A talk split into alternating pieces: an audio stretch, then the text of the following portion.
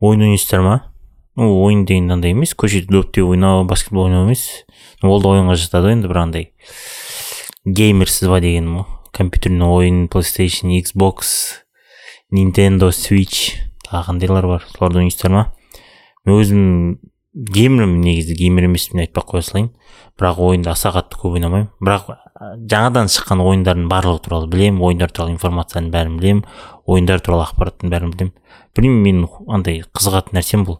Бірақ андай таңғы беске дейін алтыға дейін ойнау дейтін ондай жоқ менде. Өзім көп ойындарды қараймын мысалы күшті күшті деп ше бірақ өзім ойнайтын соңына дейін өтетін ойындар жылына бір бір екі ақ ойын өтетін шығармын. Ал қазір өтпегелі біраз болды. Енді қазір алда ассасинс крид пен звездный войн екінші часть шығады соны күтіп жүрмін. Сол екеуі шықса құдай қаласа соларды бітіреміз. Оған да беріліп кетпеу керек а то таңға дейін ойнайтын уақыт жоқ. Оған желание өйтіп ойнайтын желание бар по идее просто өйтіп ойнауға болмайды сол не үшін ойын туралы айтып жатыр деген андай ғой нетін еді Microsoft Activision дейтін андай дайындап жатыр ғой Call of Duty білетін шығарсыздар сол компанияны сатып алайын деп жатыр ғой и оған Sony короче Nintendo бәрі қарсы шығып жатыр әсіресе Sony ну типа шутер шутерлердің арасында ең мықты Call of Duty ғой сол короче PlayStationге шықпай қояды деп қорқып жатыр да олар ше и потом Microsoft.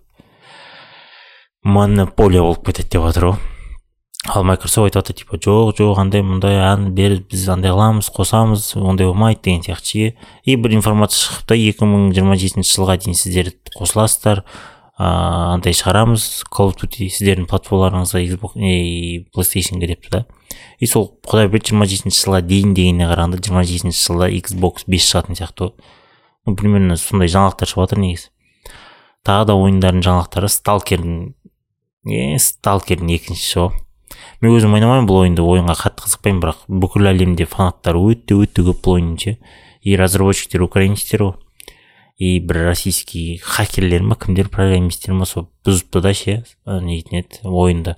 Ойын әлі шықпаған ғой и карталарын сюжетін там скины андай мындайдың бәрін короче отыз гигабайттық па сондай информацияны алған. И ана жаққа жазған ғой сталкер шығаратын компанияға. Что белоруссияның россияның адамдарына ойыншыларына андай өйтіп қарамаңыздар орыс тілінде шығарыңыздар бізге де доступ беріңіздер ойнауға деген. А то мына информацияның бәрін сыртқа шығарып жібереміз деген ғой.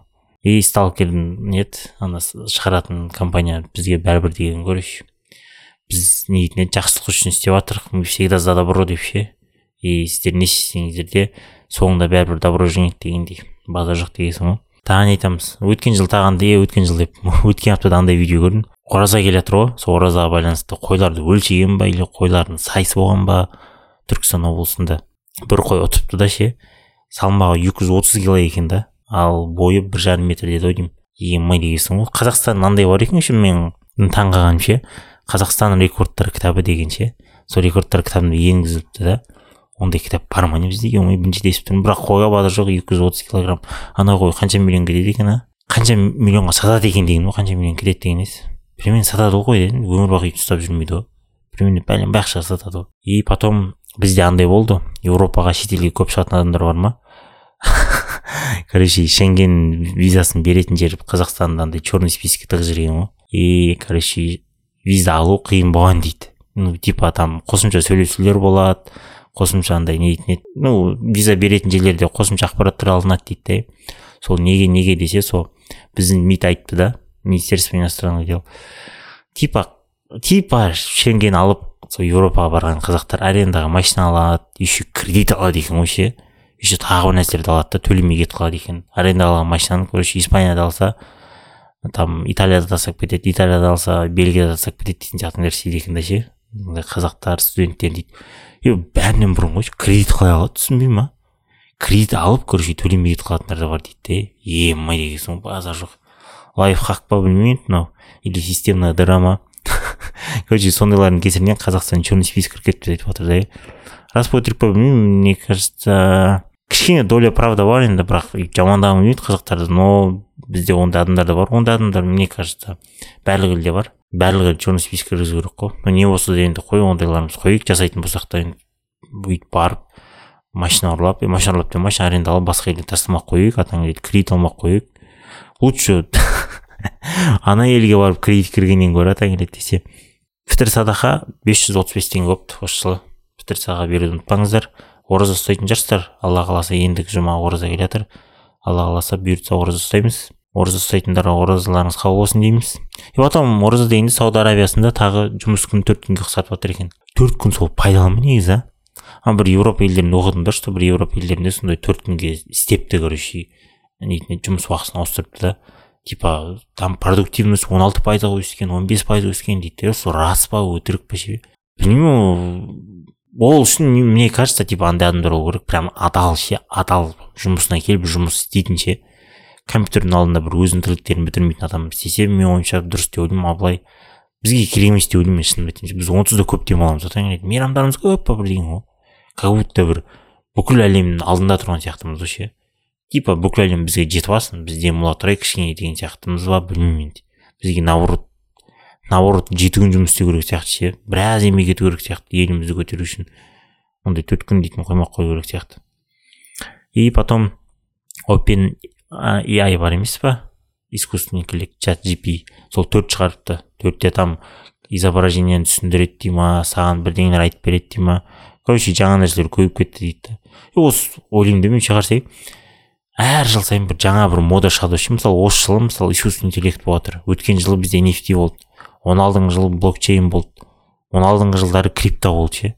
Енді жылы не болады екен мне кажется искусственный интеллект бір екі жылға машықтайтын сияқты потом ол да өшетін сияқты ше. Мүмкін или алда до конца болады. Но егер пайдасы болатын болса егер содан ақша табылатын болса өйткені nft мен nft ден көп ақша таба алмады ғой. Риск көтерілді риск құрады. А вот криптодан нормальный ақша тауып жатыр енді.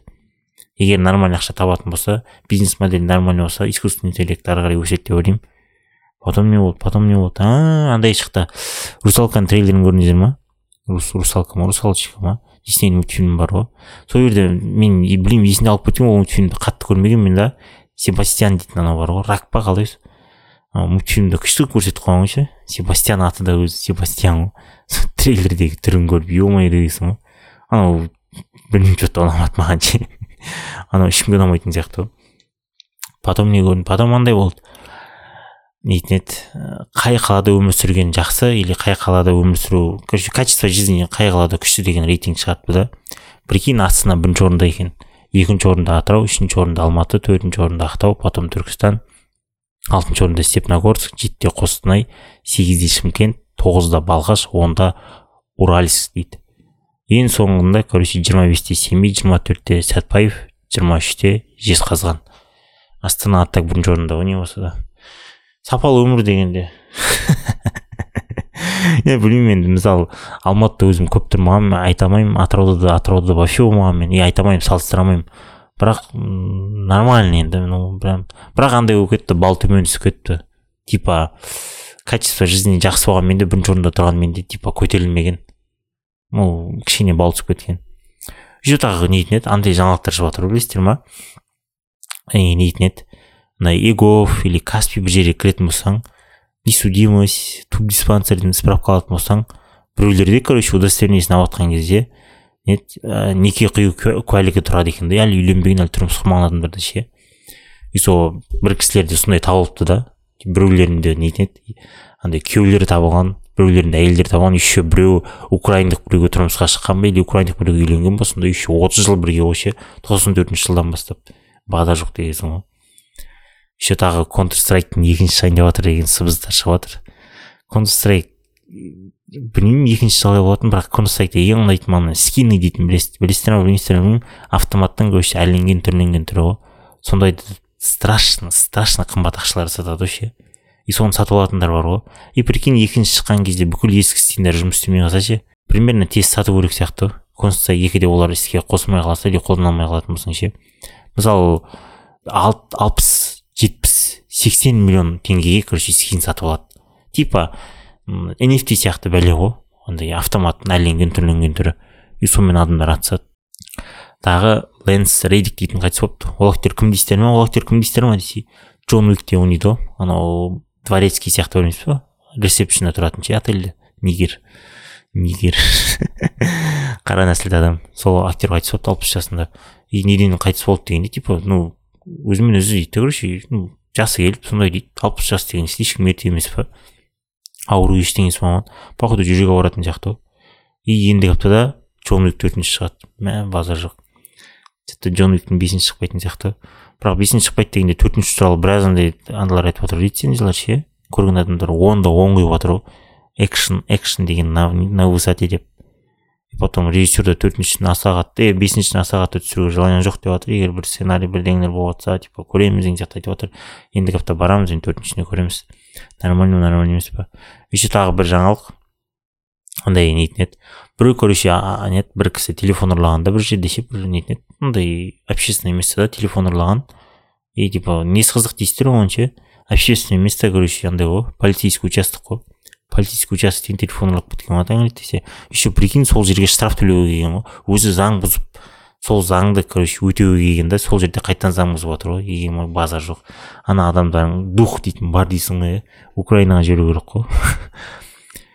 Так тағы ең қызық ең қызық жаңалық деген. Бүгін 19 тоғызыншы наурызда қазақстанда сайлау болып жатыр не дейміз. Сайлауға бардыңыздар ма? Сайлауға барып өздеріңіз дауыс бердіңіздер ма деп ойлаймын. Өйткені дауыс беріңіздер сіздердің дауыстарыңыз а то жоғалып кетеді или басқа адамдар пайдаланып алады дегендей нәрселер болады. Сондықтан өз дауыстарыңызды беріңіздер. Хотя бы бәріне қарсымын деген птичка ұрып кетіңіздер. Ешкімді танымасаңыздар да білмесеңіздер де кімге беретінін білмесеңіздер де. А то неше түрлі нәрсе көріп жатырық ше бюллетенді бюллетень алатын жерде короче бюллетень белгіленіп қойған бюллетень беріп жатыр адамдарға ше адамдар барады короче соны тастайды емай деген соң еще жеті сегізден өткен жылдағыдай ше. Өткен ары ну кәдімгідей күнделіктідей әр жыл сайын болатын сайлаудағыдай бес алты жеті сегіз бюллетень тастап жатыр дейді. Еще там нетін еді біреулер бір жерге барып не дауыс беріп екінші жерге барып дауыс беріп жатыр емай емай. Неше түрлі нәрсе болып жатыр короче өздеріңіз барып өздеріңіздің атыңызбен дауыс беріңіздер. Білмеймін енді уақыт табуға тырысыңыздар сай а то жұрттар үйленіп отқан жерінен келіп дауыс беріп жатыр. Мен бүгін барып дауыс бердім ше. Черепашки ниндзялармен бірге дауыс берген вот жұрттар андай киініп алып сәнделіп бір торжество сияқты барып дауыс беріп жатыр. Дауыс беріңдер жалпы. А то өздеріңіздің дауыстарыңызды жоғалтып аласыз потом оны білесіздер қалай болатынын сіздердің дауыстарыңыз. Белгілі бір партия өздеріңіз білесіздер. Пәленбай дауыс жинап кетіп жүр. И қазір бірінші орында абай облысы короче дауыс беруден ну қазіргі уақытта мен оқып отырмын да. Ең соңғы орында алматы дейді алматы қаласы. Алматы қаласы вообще бәрібір сияқты ше или білмеймін информация дұрыс жетілмей жатыр ма? Егер информация дұрыс жетілмей жатса жақсы. Ал егер бәрібір болса түсінбедім че то. Барлық активистер барлығы алматы сияқты еді ғой. Неге қимылдамай жатырық деген сияқты әңгіме етеді ғой жалпы дауыс беріңіздер. Енді бұның қорытындысын бәріміз білеміз ойбай айтпай ақ қояйын демей қояйын енді бірақ енді жақсы жағынан айтайық енді. Жақсы сөз жарым ырыс дейді ғой. Ертең ертең емес примерно кешке қарай көреміз и ендігі ендігі подкасттан андайында айтып беремін енді. Че почем қалай болды деген сияқты енді тақымымызды қысып жақсы жағынан күтіп отырайық енді. Демократия болып жатыр дейді ғой енді. Еще нұрекен дауыс беріпті амансыздар ма? Менің есімім асхат бұл бояусыз арнасы мен мұнда психологтардың мыслительдердің ақыл адамдардың айтқан кеңестері туралы оқимын. Солар туралы өздерінің ойымды айтамын ал кеттік бастайық. Қанша жылдар созбасын бәрібір керек асығыңа қорғасын. Неліктен жалғыз қаламын деп қорқасың бар ғой бар ғой сенің отбасың үйде. Қазіргі этикет достарыңызбен және серіктес, серікте, серіктестеріңізбен қалай әрекет ету керек дейді. Этикет нормалары үнемі өзгеріп отырады және бұл көптеген сұрақтар туғызады кездесуде кім төлеу керек немесе досыңызға оның маңызды адамы сізге ұнамайтынын айту керек пе деген мәңгілік дауларды қалай шешуге болады дейді. Кездесуде кім төлеу бұл туралы менде бір статья бар тұғын сол статьяны бір жолы айтып беремін. Ну этикет дегенде мне кажется основной этикет өзгермейтін сияқты ше просто артаң америка анау батыс жақтан запад жақтан біреулер бірдеңені ойлап тауып алады да. Жаңағыдай ше толерантность туралы потом сондай жаңа этикеттер пайда болатын сияқты сол этикеттер типа бізге кіргізгісі келеді арасында жақсылар да бар енді но білмеймін енді. Қазір оқып көреміз енді че почем екенін. Так біріншісі сіз басқа біреудің ісіне жасаған затына сүңгуге міндетті емессіз. Яғни түсінуге андай рецензия беруге өзіңіздің ойыңызды айтуға міндетті емессіз дейді. Сізге оқы көр деген барлық кітаптарды оқып барлық фильмдерді көру мүмкін емес дейді. Сізде уақыт немесе желание болмауы мүмкін. Бұл жақсы. Бірақ кейде адамдар өз шығармашылығымен бөліседі. Егер сіз онымен танысуға уақытыңыз болмаса және оны мойындағыңыз келмесе адамды ә, негізінен бірдеңе жасағаны үшін мақтаңыз дейді. Егер сіз әлі де қызығушылық танытсаңыз толығырақ кері байланыс бере аласыз дейді. Оқыған көр маған по идее қалай айтсам болады? Егер көр оқы дейтін кітаптар болса обязательно оқы сен не обязансың оны көруге не обязансың просто айтады ғой маған ұнады көре сал саған ұнайтын шығар деген сияқты. Қолың бос кезде көруге болады ал былай егер бірақ бір досың мысалы он жыл бойы бес жыл бойы бірдеңе істеп или кітап жазып бірдеңе шығарса енді мне кажется бір көзің жүгіріп шығу керексің деп ойлаймын ше. Мысалы сенің досың бір жақын біреуің болса ше өйткені как бы егер оқып оларға жақсы или өзің ойыңды айтатын болсаң оларға андай деп ойлаймын мен күш береді деп типа ну қуантады кішкене деп. Бірақ өзі өтірік айтпау керек что кітабың отстой деп ше. Ну егер жақын адам бірдеңе істесе кішкене былай көзің жүгіріп шыққан дұрыс деп ойлаймын ал былай типа болмайтын бірдеңелер там кинолар бірдеңелер қара көр деген сен көріп андай қылуға міндетті емессің отказ бере бер зачем бөледі андай қылып? Мә братан білмеймін көремін де все болды. Қайта қайта көрдің ба көрдің ба дей бермейтін жер ол да. Сол күні сағат екіге дейін кез келген кездесуде бас тартуға болады дейді. Кездесуден бас тартуға болады. Осылайша сіздің досыңыз немесе серіктесіңіз кескі жоспарларды қайта құруға уақыт алады. Бірақ егер адам мысалы сіз үшін тамақ дайындап жатса оны алдын ала ескерткен жөн. Кездесуден кем дегенде бір күн бұрын дейді. Жалпы мен өзімді айтайын да мен өзімде андай емеспін. Резко резко ше типа кеттік или там болды бүгін міне қазір деген вот ондайлар ұнамайды маған мысалы шынын айтайын. Типа резко резко давай кеттік давай резко шығып кететін резко өтіп кететін ше. Білмеймін там жайсыз сезінемін өзімді ертең барайық мысалы екі үш күннен кейін барайық осындай уақытта барайық дейтін сондай ұнайды. Білмеймін или маған планирование қатты ұнайтын шығар план құрған типа уақыт андай расписаниемен жүрген деген сияқты ше. Ну өзім сондай жақсы көремін вот резко типа міне деген сияқты ондай ұнамайды.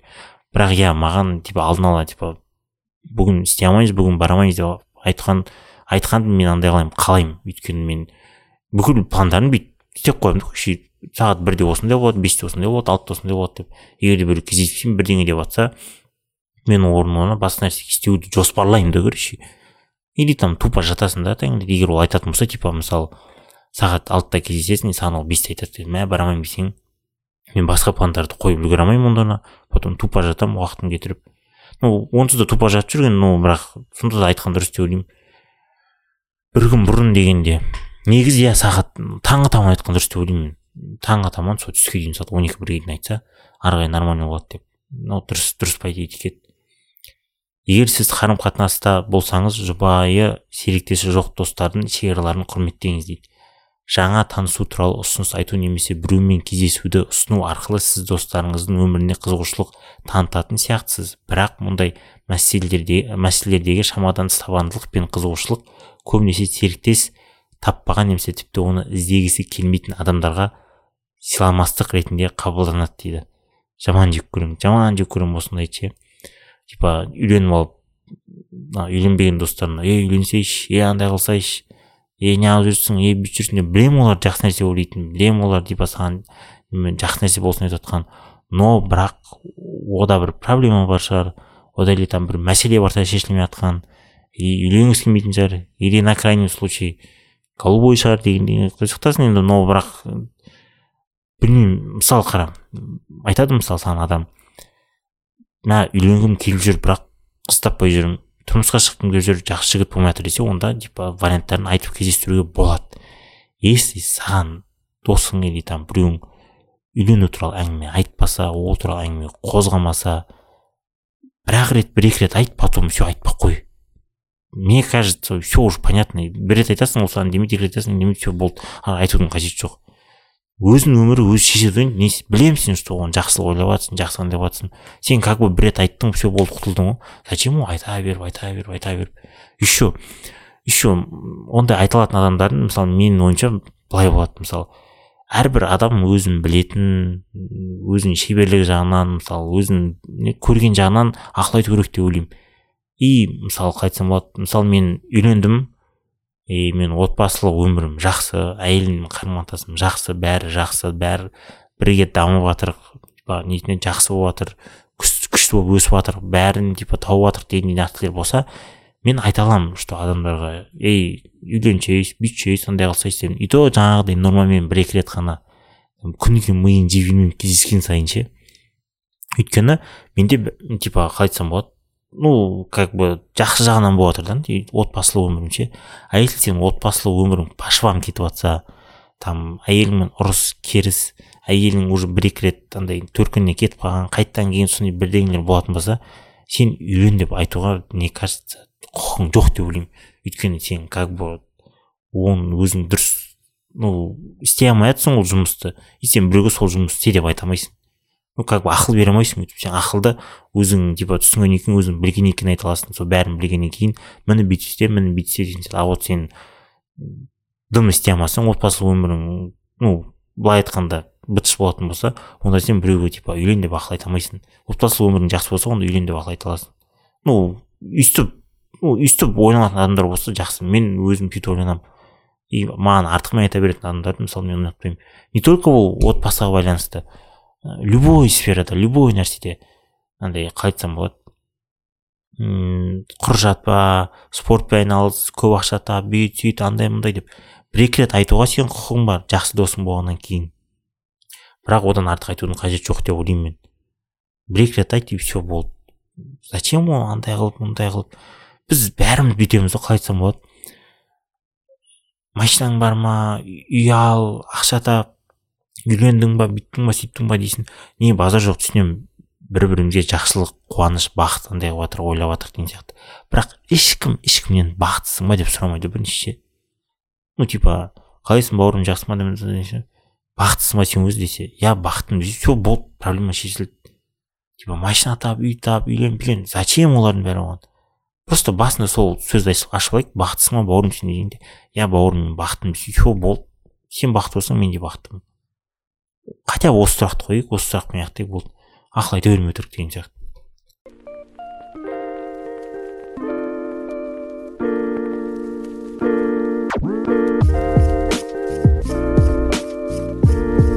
достарыңызды серіктесіңізбен дауласуға тартпаңыз дейді. Егер сіз компаниядағы романтикалық серіктеспен даулассаңыз айналаңыздағы адамдар сіздің союзниктеріңіз ретінде қабылдануы мүмкін. Олардан сіздің тарапыңызда шындық бар ма деп сұрауға азғырылмаңыз дейді. Серіктеспен келіспеушіліктер тек екеуіңізге қатысты дейді. Анау отбасылық проблемаға или там қыз бен жігіттің проблемасына достардың араласуы деген сияқты бәле ғой. Мынау осы осын мен өте өте дұрыс деп ойлаймын өйткені бізде атаң психологтар көп қой достарының да қыздың да ердің де әйтеуір бәрін ақыл айта беретін психологтар. Өзін өзінде быт болады ар жақта бірақ сен сенің қазіргі состояниеңді шешіп береді деген сияқты ше. Негізі шынымен ондайды араластырмау керек. Только екеуің ғана шешу керексіңдер. Только сол проблемаға тиесілі адамдар ғана шешу керек. Егер де мысалы сырт жақтан бірдеңе керек болатын болса екеуі сұрайды деп ойлаймын мен.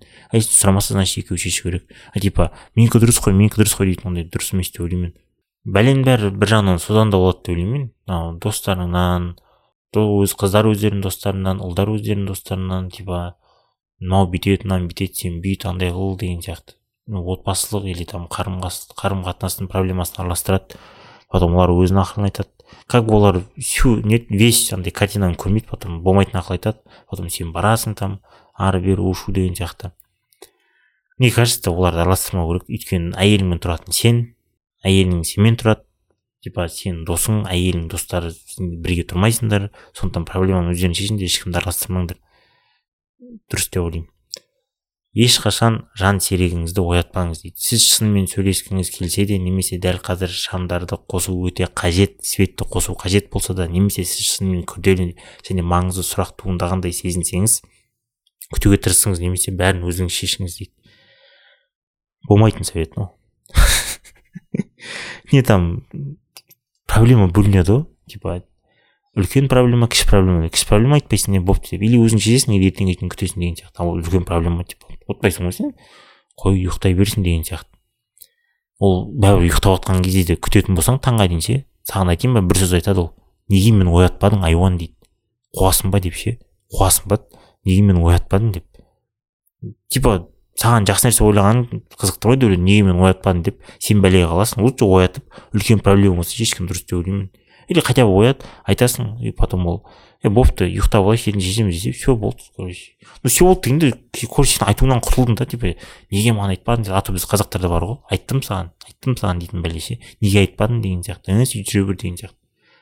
Өтірік өтірік өтірік андай өтірік совет мынау ұстанбай ақ қойыңыздар мына дейді кездесуде өзіңізге назар кездесуде өзіңізге назардың бәрін аудартпаңыз дейді. Егер сіз өзіңізді тым көп сөйлеп тұрғандай сезінсеңіз бұл басқа адамға айтатын ештеңе жоқ дегенді білдірмейді. Адамнан бір нәрсе туралы соңғы рет қашан сұрағаныңыз туралы ойланыңыз. Мүмкін допты оның жағына беру уақыты келді ме дейді. Өзін өзін қатты жақсы көретін адамдар ауыр жабылмайтын әңгіме көп айтатын адамдарға айтылған нәрсе ғой. Мен өзім сондаймын кезде егер де жаныма жақын ортақ темалар көп адам болатын болса сөйтіп көп айта беремін айта беремін айта беремін айта беремін. Өйткені мен андай ойларымда көп нәрсе жүреді ше көп ойланамын ше. Соның бәрін айтып тастағым келеді да. Кейде кейде байқамай қаламын и сол байқамаған кезде көп айтып қоямын мен өзім білемін оны. Бірақ кейде андай қыламын сұрақ қоямын. Бірақ андай собеседниктер болады. Мысалы сен сұрақ қоясың. А иә иә иә білмеймін иә жоқ а көреміз ғой дейтін ше. Как будто ну мен одан андай андай жауап күттім ғой обширный толық толығымен деген сияқты а мен бұл туралы былай ойлаймын негізі бұл былай болу қажет осындай осындай мәселелер осылай болады негізі деген сияқты ну кішкене диалог күттім ғой келеді ол болса иә жоқ дейді ондай адаммен қалай сөйлесесің әрине өзіңнің ойыңдағы енді просто ол жерде кездескеннен кейін типа сен оған сұрақ қоясың ол иә иә жоқ деп ол саған қояды сен иә жоқ дейсің лучше дейді өзіңнің барлық ойыңды айтып ішіндегі бәрін шығарып хотя бы хотя бы бір плюспен кетесің да. Ну егер сондай адам болатын болса типа иә жоқ деп жауап беретін. Ну мне кажется ол адам просто сені жақтырмайды. Тупо жақтырмайды. Егер сені жақтыратын адам болса өзінің ойымен бөліседі деп ойлаймын. Или ұялып отыр. Бір рет кездесіп көру керек. Егер болмаса давай до свидания ғой егер сізге таныс оқиға айтылса тез әрекет етіңіз дейді. Немесе мүлдем жауап бермеңіз. Сізде о мен мұны істедім деп айтуға екі секунд бар. Үлгермедіңіз бе? Әңгімелесуге әңгімелес, әңгімелесушіге оқиғаны қайта айтуға рұқсат етіңіз. Егер сіз компанияда болсаңыз басқаларды таңдау үшін мүлдем үндемегеніңіз жөн дейді. Басқалардың тыңдау үшін. Егер сіз компанияда болсаңыз басқалардың тыңдау үшін мүлдем үндемегеніңіз жөн дейді. Типа екі секундтан кейін асып кететін болса мысалы шытырман оқиға айтып жатыр саған история. Все болды сен тыңдау керексің деген сөз ба по идее иә сөзбен бір минутта біраз біраз, біраз нәрсе айтып тастауға болады бес секунд дейік давай бес секундта сен иә деп мен бұны білемін брат брат бұны білемін дегеннен уақыт тоқтатуға болады дейді уақытын историяны тоқтатуға болады дейді ал егер одан кейін тоқтатпасаң сен үзетін болсаң короче сен бескультурный адам болып табыласың ғой а вот мынаған келсем мен типа көп адам ортасында типа е мен білемін деп отырудың қажеті жоқ. Спойлер айтатын бәлелер сияқты. Ғой кинода или бір жерде отырып екі мындай болады екі мындай болады деген сияқты. Басқалардың кайфын құртады да и басқалардың андай нетін еді қызығушылығын құртады. Иә көп адамдармен отырған кезде бір жеріңізді қысып тыныш отырыңыз қанша білсеңіз өйткені сіз как бы жеке сабақ алып жатқан жоқсыз деген сияқты. Ғой егер де өйтіп отыра алмайтын болсаңыз жеке сабақ алыңыз дегендей. Кешігіп қалдым деп ойласаңыз да досыңызға немесе серіктесіңізге қолдау көрсетіңіз. Егер жақын адамыңыз нашар болса немесе олар үлкен шығынға ұшыраса оларды қолдауға ешқашан кеш емес. Ол күндер мен апталарды санау екіталай. Бірақ кімнің жанашырлық танытқан және шын жүректен болғанын кімнің формальдық елемегенін немесе шектегенін шектегенін есіне алады дейді. Егер сіз жақын адамыңызды материалдық нәрсемен қуантқыңыз келсе керемет тек ә, керемет ә, керемет тек жеуге болатын гүл шоқтарын жібермеңіз дейді. Керемет тек гүл ал адамға не пайдалы болатынын анықтап оған ақша жұмсаған дұрыс дейді. Короче ештен кеш дейтін сөз бар ғой бізде. Сол сөз дұрыс деп жатыр ғой. Бірақ енді бір жылдан кейін өйтіп ма деген сияқты. Ну енді бұл жерде бөлінеді ғой типа қандай жаңалық деген сияқты. Туған күн екі үш күннен кейін болады. Ауыр ауыр басына түскен проблемалар бір екі үш ай төрт бес ай жарты жылдан кейін де бола береді деп ойлаймын и бұл қалай айтсам болады. Проблеманың андайына байланысты сияқты көлеміне үлкен проблемалар. Уақыт ұзақ кішкентай проблема уақыт аз. И осыған байланысты бөлінеді деп ойлаймын мен. Жаңағыдай гүл шоқтарын дегендей.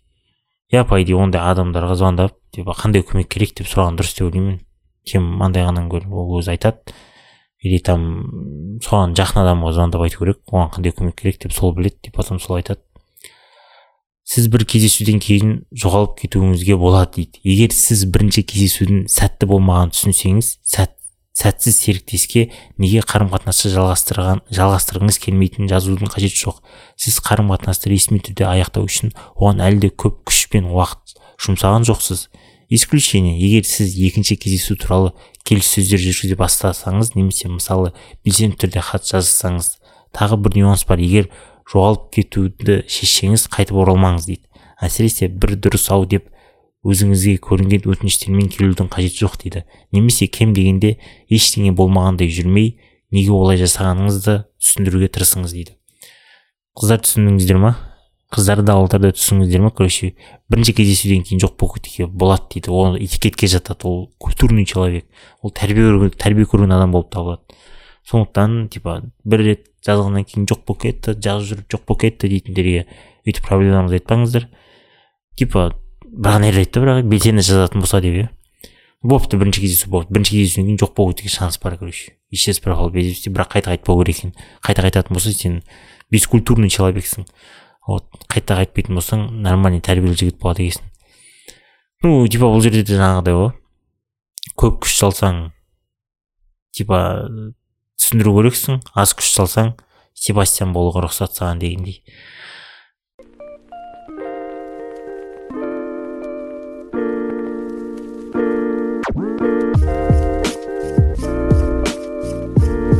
Біреумен ажырасу үшін дұрыс уақытты күтпеңіз дейді. Егер сіз қарым қатынасты аяқтауды шешсеңіз мерекеге байланысты оны кейінге қалдырмаңыз. Әрине сіз жаңа жылға дейін ажыраспау үшін екінші қаңтарды күте аласыз. Бірақ мұндай шешімде серіктеске деген жанашырлық болмайды.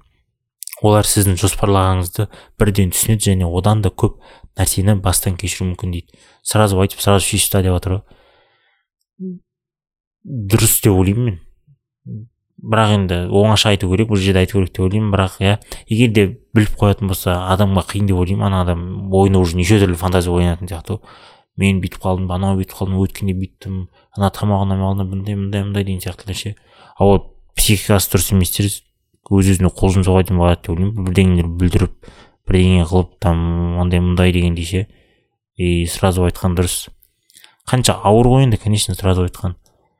Ну типа білмеймін бұл жерде мысалы бір қуаныш болып жатса и сол қуаныштан кейін сразу айтқан дұрыс па дұрыс емес па? Ертесіне айту керек шығар енді. Енді адам қатты қуанып тұрып типа а құттықтаймын сені құттықтаймын құттықтаймын е короче все болды бітті дейсің ыңғайсыз ғой. Или может типа анау күліп қуанып тұрғаннан кейін е болды дей салған екен айғайдан бірақ. Бұл да енді қарап көру керек бір ұзаққа созуға болмайды себепсіз сыйлықтар беріңіз. Достар мен романтикалық серіктестер үшін сіз оларды қуантқыңыз келетін және олардың мүдделерін құрметтейтініңізді білуі маңызды дейді. Жақындарыңызға ұнайтын нәрсені көрдіңіз бе? Мерекелерді күтудің қажеті жоқ. Әсіресе бұл футболка немесе кішкентай ұсақ түйекті заттарға арналған дейді. Мұндай стихиялық сыйлықтар адамдарға олар туралы әрқашан есте сақтайтыныңызды көрсетеді дейді. Бар ғой типа увидел цветы подумал о тебе дейтін сияқты нәрселер ше типа сондай сияқты увидел это кольцо подумал о тебе кольцоң қымбат деген ну түсіндіңіздер ғой короче мындай ұсақ түйек хотя бы салфеткадан гүл жасап берсе деген сияқты әңгіме ғой қалай айтсам болады по идее бір гүл шоғырын алып берсең де риза болады бір гүл шоғыры сникерс шоколад ноль пять фанта. Андай нетін еді баклажкада емес шишадағы ғой шыныдағы не бар ну короче сондай сондай заттар футболка дейді футболкаң ол қандай футболканы көрдің мысалы отыз мың футболкасын көрдің ма елу мың футболкасын көрдің ма мне кажется арзан сыйлық емес деп ойлаймын ну кому как но маған ол арзан сыйлық емес деп ойлаймын ұсақ түйек заттар я базар жоқтан бір он мыңға дейін мен кажется болады он мыңға дейін ұсақ түйек заттарға болады деп ойлаймын мен там сыйлықтар беруге айына бір екі рет болады қуантуға өзіңе деген жақын адамдарды қуантуға себепсіз қуантуға әсіресе себепсіз. Мне кажется мерекелерде или там бірдеңелерді адамдар өздері сезіп тұратын сияқты ше.